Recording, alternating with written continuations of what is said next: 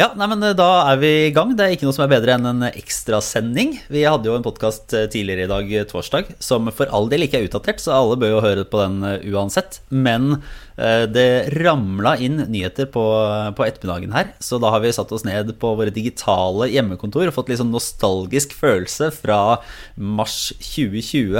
Og ikke minst, Sara Sørheim, du friskna litt til, du. Altså, eh, To Paracet og en partilederavgang det hjelper veldig på når man ligger på liksom, sotteseng og er syk.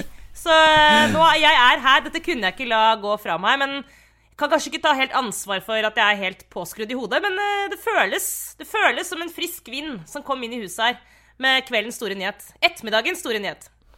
Så det var ikke sentralbanksjefens årstale som fikk deg til å friskne til, altså? det ville vært en hastemelding i, i seg selv, men eh, nei, dessverre. ja.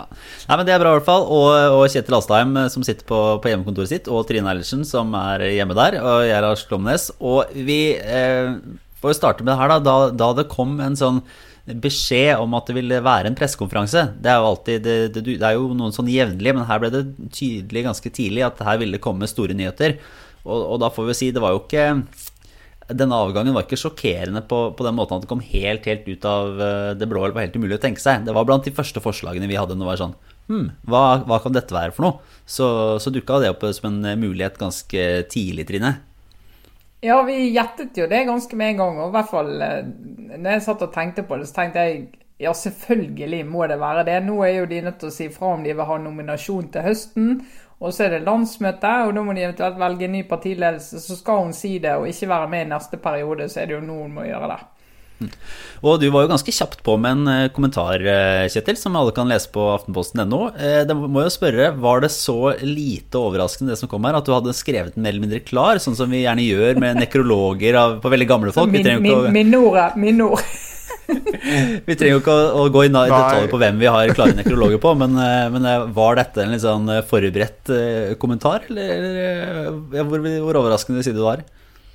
Nei, og ikke forberedt kommentar. Men uh, altså, det er jo sånn uh, Ja, selvfølgelig går hun. Uh, men det, hun har jo holdt maska ganske godt. sånn at det har ikke vært noen Det har ikke vært noen særlige spekulasjoner rundt, rundt, det nå i det siste. Så, så, det var jo en overraskelse da det kom. Men det er jo lett å forstå ut fra det at det, det var det vi tenkte etter at Frp gikk ut av regjering for et år siden at da har hun, hun hadde gjort det som var Hun hadde fått til det som var hennes store prosjekt, nemlig å gjøre Fremskrittspartiet til et eh, regjeringsparti og vise at de kunne ta ansvar og være med på kompromisser og, og styre.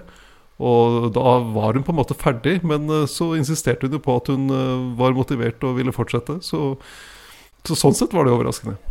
Det var jo veldig interessant det hun sa om at eh, en av grunnene til at hun ikke gjorde det før nå, da, for det var jo mange som tenkte at det ville vært en naturlig uh, punkt å varsle det på, det var at hun skulle rydde opp i organisasjonen og få, få liksom løst tatt noen organisatoriske grep. og da, Det er jo ikke utenkelig at Oslo Frp sto på listen.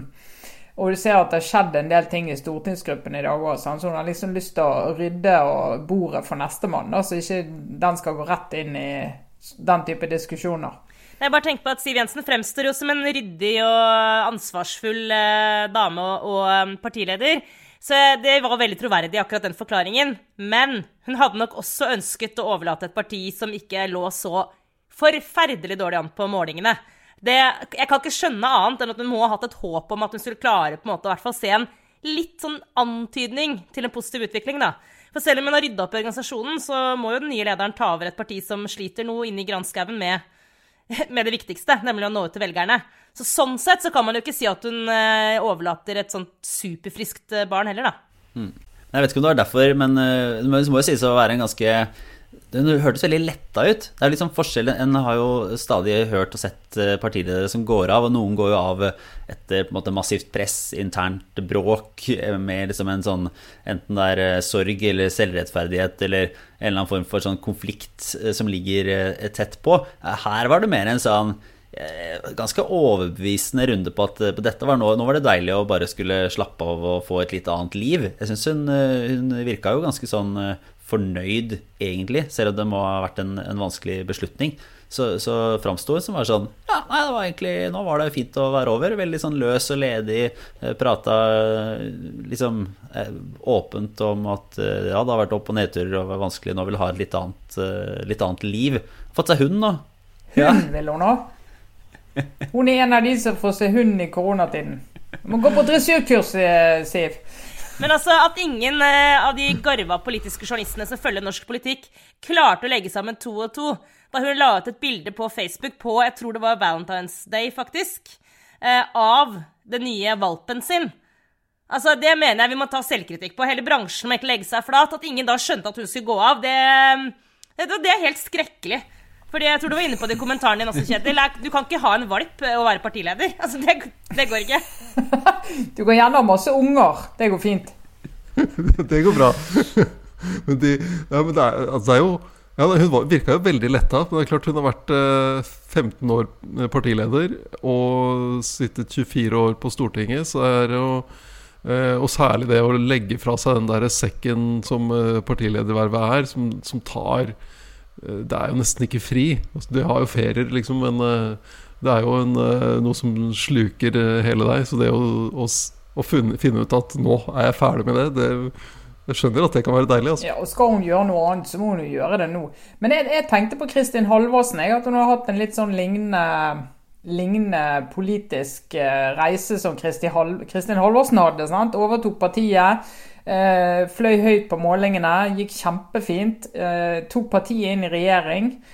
Satt i regjering og, og blødde jo en del underveis på slutten av regjeringsperioden og kom ut av det og litt sånn ferdig da, med det. Og det er et veldig naturlig punkt å gi seg på, tenker jeg, når du har dratt partiet gjennom alle de fasene der. For det, det er utrolig krevende faser å gå gjennom for et parti, selv, altså for de partiene der å velge å gå inn i regjering. Eh, og så, som i Kristin Halvorsens del, eh, tape et valg, og, og hvor partiet sluttet eh, å være i regjering den gangen.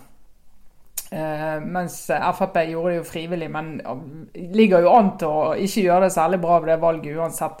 Sånn at partiet skal inn i en ny fase, da. Ja, da er det ikke unaturlig å ha en ny leder. Det er jo et bilde på Siv Jensens styrke, at hun også tar full regi på sin egen avgang, og at det er ganske åpenbart at hun eh, ikke blir presset ut, selv om de har hatt dårlige målinger. Eh, Hun har ikke stått i samme situasjon som f.eks. Jonas Gahr Støre, da, hvor det er en diskusjon om lederskapet. Hun har klart å unngå det. Så, eh, men så kan du si da at hun tar jo også regi kanskje litt sånn over i overslaget. Jeg vet ikke om vi skal over dit nå, Lars, men eh, sterk pressekonferanse. Veldig sånn eh, Ja, ganske sånn Virker som hun har Hun er troverdig på sin forklaring, men når hun begynte å skulle detaljorganisere den nye partiledelsen i Frp, da kjente jeg at det er kanskje litt overmot, eller? Det er jo ikke vanlig å gjøre. Ingen gjør jo det. Der skiller SV og Frp lag, må jeg si. Ja, for det var jo tydelig at om hun på en måte var litt sånn eh, hva skal jeg si, silkehansken og veldig sånn myk og, og varm og, og, og, jovial og i det hele tatt virka veldig avslappa og, uten stress, så var det en sånn jernhånd som lå litt der i at, at hun bare pekte Jeg syns Sylvi Listhaug bør bli ny leder, og Ketil Solvik-Olsen bli ny nestleder. Og da, eh, det er- jo nesten eh, umulig for det partiet å gå i noen annen retning. Altså, det ville jo på en måte vært å, å, å starte et opprør. Altså, det er sånn eh, Bare skaper problemer. Så, så, og det er, ja, som du sier, det er ikke en vanlig måte å, å gjøre det på. Det er ganske sånn eh, Det føyer seg vel inn i tradisjonen i Fremskrittspartiet, da, med liksom ganske sterkt lederskap og, og, og, og sentral styring. Og så er det jo noe med det at eh, de som har vært eh, nevnt som aktuelle andre, altså andre kandidater som har vært nevnt som aktuelle, er ikke aktuelle nå. Ketil Solvik-Olsen skal ikke på, på Stortinget. Jon Georg Dale skal ikke på Stortinget etter eh, denne perioden. Sånn at det er eh, Sånn sett ligger det litt sånn i kortene at da blir det Sylvi Listhaug. Og ved at hun da presenterer Det er jo, det er uhørt, men det at hun da presenterer en sånn ferdig pakkeløsning, så kan den også skape en balanse i partiet og roe ned ulike fløyer. Så det, sånn sett så er det jo kan det være et trekk som er klokt sånn indrepolitisk, men det er jo veldig spesielt at en, eh, at en avtroppende partileder også oppnevner seg selv som valgkomité. Eh, det kan jo for øvrig si at hvis jeg hadde, vært, hvis jeg hadde kommet på mitt eh, gode, men ubekreftede rykte om at Siv Jensen og Sylvi Listhaug gikk tur sammen oppe i nabolaget her for noen uker siden, så hadde vi kanskje gått inn på disse spekulasjonene litt, litt før. Men en som ikke var like positiv til det her, var jo Per Sandberg, da, som var nestleder i var det 12 av, av Siv Jensens 15 år. Som uh, riktignok nå ikke lenger er medlem av Fremskrittspartiet, men, uh, men, fra basen i Halden meldte til uh, gode Adresseavisen at dette var på en seier for for motkreftene. Altså det Siv Jensen har brukt hele sin sånn, si, styringstid på å holde i sjakk, og mente at det her var kom nå til å bli mer, mer nasjonalisme, mer konflikt og, og, vanskeligere. Da. Så det var et veldig sånn pessimistisk, eh, fra hans syn, eh, mørkt bilde av hva Fremskrittspartiet nå skal bli under Sylvi Listhaug. Så skal det jo sies at det ikke er så fryktelig mye sånn varme følelser mellom Per Sandberg og, og deler av Fremskrittspartiet nå. Men, eh, men det, var, litt overraskende likevel at han var såpass hard i klypa. ikke det? Ja, altså jeg syns det var Jeg oppfatter jo ikke som at det har vært noen kamp mellom Siv Jensen og de andre nå. Altså selvfølgelig, De har jo det der spennet i stortingsgruppen og med deler av partiet. Det har de hatt hele tiden. Men det har ikke vært en veldig sånn uttalt kamp, for de har ikke hatt de sakene eh, hvor den konflikten har vært tydelig. Og jeg er ikke et øyeblikk i tvil om at hun har hatt fullstendig regi på denne avgangen. Eh, og ikke har følt seg presset ut eller har tapt noen maktkamp i det hele tatt. Det har hun ikke gjort. Hun styrer det så detaljert at hun kommer unna med å peke ut sine etterfølgere. Og det hadde du ikke gjort hvis, det, hvis du var på noe vis presset til å gå, da. Nei, men jeg tror vi kan også, hvis vi ser tilbake på de siste månedene og Siv Jensens uttalelser Det er alltid veldig lett, selvfølgelig, når man vet fasit. Men um, kanskje mer enn de siste månedene også, kanskje de siste par årene, at Siv Jensen har jo løftet frem Sylvi Listhaug Eh, og har f.eks. flere ganger nå i det siste opptrådt liksom, side ved side. Eh, har rost henne. Altså, hun har gjort veldig mye for å motvirke det som jo var et slags rykte eller en oppfatning hos mange i en lang periode, som var at det var veldig dårlig stemning mellom Siv Jensen og Sylvi Listhaug. Um, det var, en, det var, jo en, oppfatning også blant mange at uh, Siv Jensen ville at hun helst ville ha Kjetil Solvik-Olsen inn som sin etterfølger. Så, så, det kan jo virke som om Siv Jensen ganske lenge har jobbet med å um, å si, uh, utvikle Sylvi Listhaug til å kunne bli en nestleder som hun også syns er god for partiet. Uh, og hun understreket jo også det på pressekonferansen i dag. Hvis man hørte etter med akkurat dette i bakhodet, så sa hun jo f.eks. i dag eh, noe sånt som at Sylvi Listhaug har hatt en veldig uh, god utvikling, eller hun har, hun har, virkelig tatt skritt, eller hun hadde noen sånne formuleringer rundt at som kunne, kunne, tolkes i retning av at Sylvi Listhaug har blitt litt mer moden nå som politiker enn hun var for bare noen få år siden. Da. Eh, så det kan jo hende at hun har hatt en plan. ja. Jeg skal si, det, det er jo det, Sånn som, som, Siv Jensen forteller dette, så er det veldig sånn hun har gått og grunna på det over lang tid. Det var litt interessant å høre at hun mente at koronatiden gjorde at det var, så, at det var mye kjedeligere å være partileder. At det egentlig satte i gang tankene og, og, gjorde at hun var mindre motivert. Ja, jeg må bare si der, alt, bare sånn til Siv Jensen Alt er kjedeligere under koronatiden. Så det er bare sånn hallo. Ja, til, til, og med årstallen til sentralbanksjefen, faktisk. Unt, unntatt å være Bent Høie, tror jeg. Han har ikke hatt det så kjedelig. Nei, Nei men det jeg skulle si, var at det var, det var bare at det var en veldig sånn uh, at det, det, tegna opp at hun har tenkt på det for seg sjøl, sagt det fra til noen, og, at det var en veldig sånn lukka prosess og, og, alt mulig rart. Og, og det har ikke noen grunn til å tro noe annet, men jeg, jeg gleder meg til det blir enda litt mer journalistikk på hva som har vært diskusjonene forut for sånne beslutninger. For det, det er jo sjelden at det er noe som foregår helt i et vakuum. Og, nå er jeg igjen på bare spekulasjonsnivå, men liksom litt sånn derre eh, Om Ketil Solvik-Olsen visste at dette lå på trappene da han takka nei til å eh, bli innvalgt på Stortinget, f.eks., er sånn var det, var, det, et valg som gjorde at han ikke eh, kunne bli Siv Jensens favoritt, hvis han, eh, hvis han tok det valget uten å vite at det åpna seg en, en, en, dør bare noen måneder seinere? Og, og, og, litt sånn der åssen samarbeidet med Sylvi Listhaug har vært også de siste månedene. Ja, det er, det er og spekulasjoner, men jeg håper at det gjøres litt mer journalistikk på å finne ut noe av det, da. Fordi det ofte er litt sånn Det gjøres jo det tas noen valg i forkant av, av, disse prosessene, som vi har sett i Venstre f.eks. Vi så jo hvor, eh, hvor viktig uh, Sylvi Listhaug var i den der opprydningen i Oslo Frp i høst. Så at hun uh, fikk en sentral rolle i den, og, og, så var hun ute og tok et oppgjør med dette der nasjonalkonservative ordet. Så det er, det, er litt, det er, en del av oppfatningene om Sylvi Listhaug som handler om det hun gjorde før hun ble nestleder. Det har, en, hun, det har vært en utvikling fra henne der hun har plassert seg vært, eh, hun er jo fortsatt skarp innimellom, men hun er jo liksom mindre, altså det hun er mest kjent for av drøye ting, skjedde før, før hun fikk den posisjonen. Og så er det litt eh, Man kan ha en tendens til å overdrive litt forskjellen på dem òg. Fordi man sammenligner Sylvi Listhaug da hun var litt halvveis frispiller, selv om hun var statsråd i perioder av det, med Siv Jensen, som da var partileder og, hadde, og satt i regjering og skulle holde dette regjeringsprosjektet sammen. Men hvis man ser tilbake på Siv Jensen da hun var opposisjonspolitiker, så hadde jo hun utspill som var for å si det forsiktig, kontroversielle. Det var, som, det var jo da hun kom med det uttrykket 'snikislamisering', f.eks.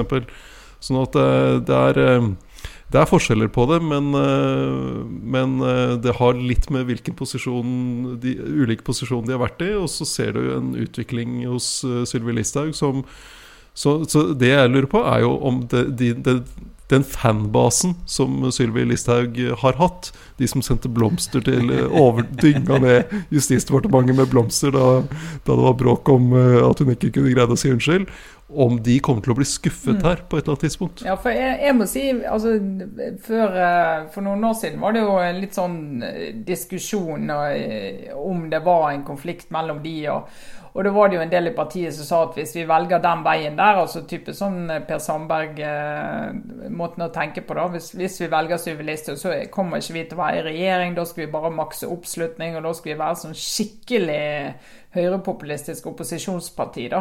Eh, og omtrent hoppe over dette valget og jobbe for det neste eh, og se hvor stor vi kan bli, og hva det kan, kan gi oss av makt. Det var en del som tenkte at, at det, det, partiet kan ikke samarbeide med Erna Solberg f.eks., eller Høyre i det hele tatt.